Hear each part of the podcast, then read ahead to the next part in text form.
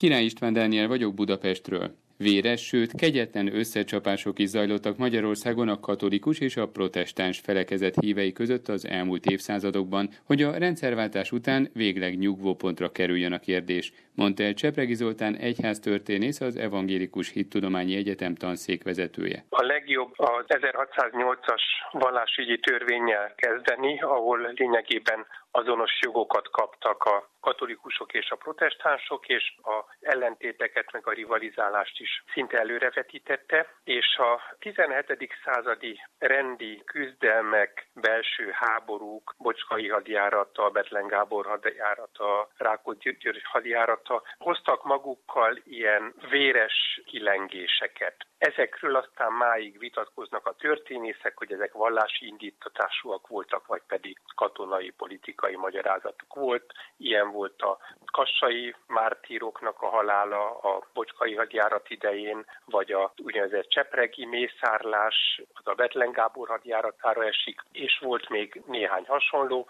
de nagyon nehéz itt szétszálazni, hogy ezek tényleg vallási ellentétek, vallási motivációjú kegyetlenkedések voltak, vagy pedig egyszerűen a háború hozta magával. Vagyis volt, amikor katolikus katonák öltek protestánsokat, máskor pedig protestáns katonák katolikusokat. Ez a 17. századi ellenségeskedés vezetett el az úgynevezett gályara pedig, ami 1674-ben volt Pozsonyban, mondta a professzor. Ez is egy összetett történet, mert igaz, hogy egy katolikus bíróság ítélt el protestáns prédikátorokat, de a felkérés vagy a kezdeményezés az uralkodótól jött Habsburg első Lipót császártól, és a per folyamán egyértelmű, hogy a bíróság nem nagyon volt lelkes abban, hogy ő itt halára ítél protestáns prédikátorokat. Tehát a bíróság számára ez ugyanolyan büntetés volt, mint az elítéltek számára, de mégis akkor 60 valahány embert halára ítéltek, de hát senki se akarta az ítéletet végrehajtani. Tehát az egésznek inkább elrettentés volt a célja, és a bíróság akkor lett volna a legboldogabb, hogyha valamilyen módon megszabadul az elítéltektől, de nem tudott megszabadulni, és a leges legvége a történetnek az, hogy eladták őket gályarabnak. Már akik maradtak, 30 valahányan, és akkor ott a földközi tengeren, a nápolyi öbölben húzták a gáját egészen addig, amikor egy másik nagy összetett nemzetközi akció folyamán meg nem szabadultak de az emlékezet számára, protestáns identitás vagy tudat számára mai napig nagyon meghatározó a gályarapság, ugyanolyan meghatározó, mint a másik oldalon a hazaikusok számára mondjuk a kassai mártírok, akiket most szentként tisztelnek. Az ellenségeskedésnek az uralkodói hatalom parancsszóra vetett véget, így a 18. században alig fordulnak elő halálos kimenetelű összecsapások, mondta Csepregi Zoltán. Az uralkodónak a hatalmát tekintélyét nem kérdőjelezték meg. És ha az uralkodó abban volt érdekelt, hogy béke legyen, tehát nem abban, hogy az egyik felekezetet kiírtsa, megsemmisítsen, akkor valóban az uralkodó maga hatalmával biztosítani tudta ezt a békét. A következő szakasz az már a 19.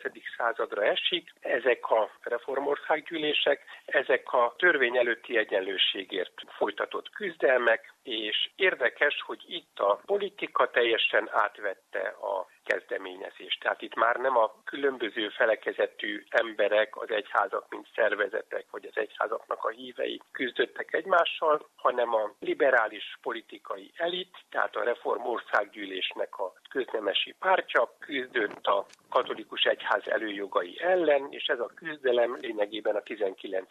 század végéig eltartott. A legvégén már az akkori kormánypárt, tehát a Tisza Kálmán vezette szabad elvű párt folytatta ezt a küzdelmet, és ennek a folyamatnak a végén állnak azok a meghatározó törvények, amelyek a polgári anyakönyvezést, a polgári házasságkötést, a felekezetek egyenjogúsítását és a államegyház közötti viszony szabályozását tartalmazzák. De ez a 19.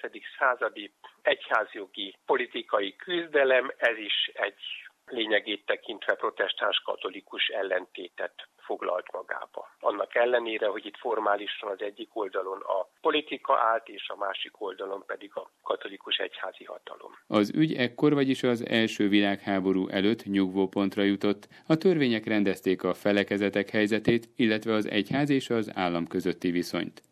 Ami a 20. században történt, az inkább barátságos rivalizálás volt, tette hozzá a tanszékvezető egyetemi tanár. A két felekezet közötti következő jelentős lépésekre egészen a rendszerváltás utánig kellett várni. A megbékélésnek éppen az 1990-es években volt néhány mérföldkőszerű eseménye. Az egyik a 1991-es pápa látogatás. Második János Pál kétszer járt Magyarországon, és az első látogatásán volt Debrecenben. És akkor a pápa elment a gályarabok Debreceni emlékművéhez, ami ott van a nagy templomnak az oldalába, egyedül, és ott egyedül imádkozott a gályarabok emlékművénél. Nem adtak ki olyan közleményt, hogy a pápa bocsánatot kért volna, sajnált volna, tehát ilyen politikai kommuniké nem született, de az a gesztus, hogy a pápa elment a gályarabok emlékművéhez imádkozni, ami, mint mondtam, a magyarországi protestánsok számára a legfontosabb identitásképző történet volt, ez nagyon sokat mondott, és még ugyanabban az évben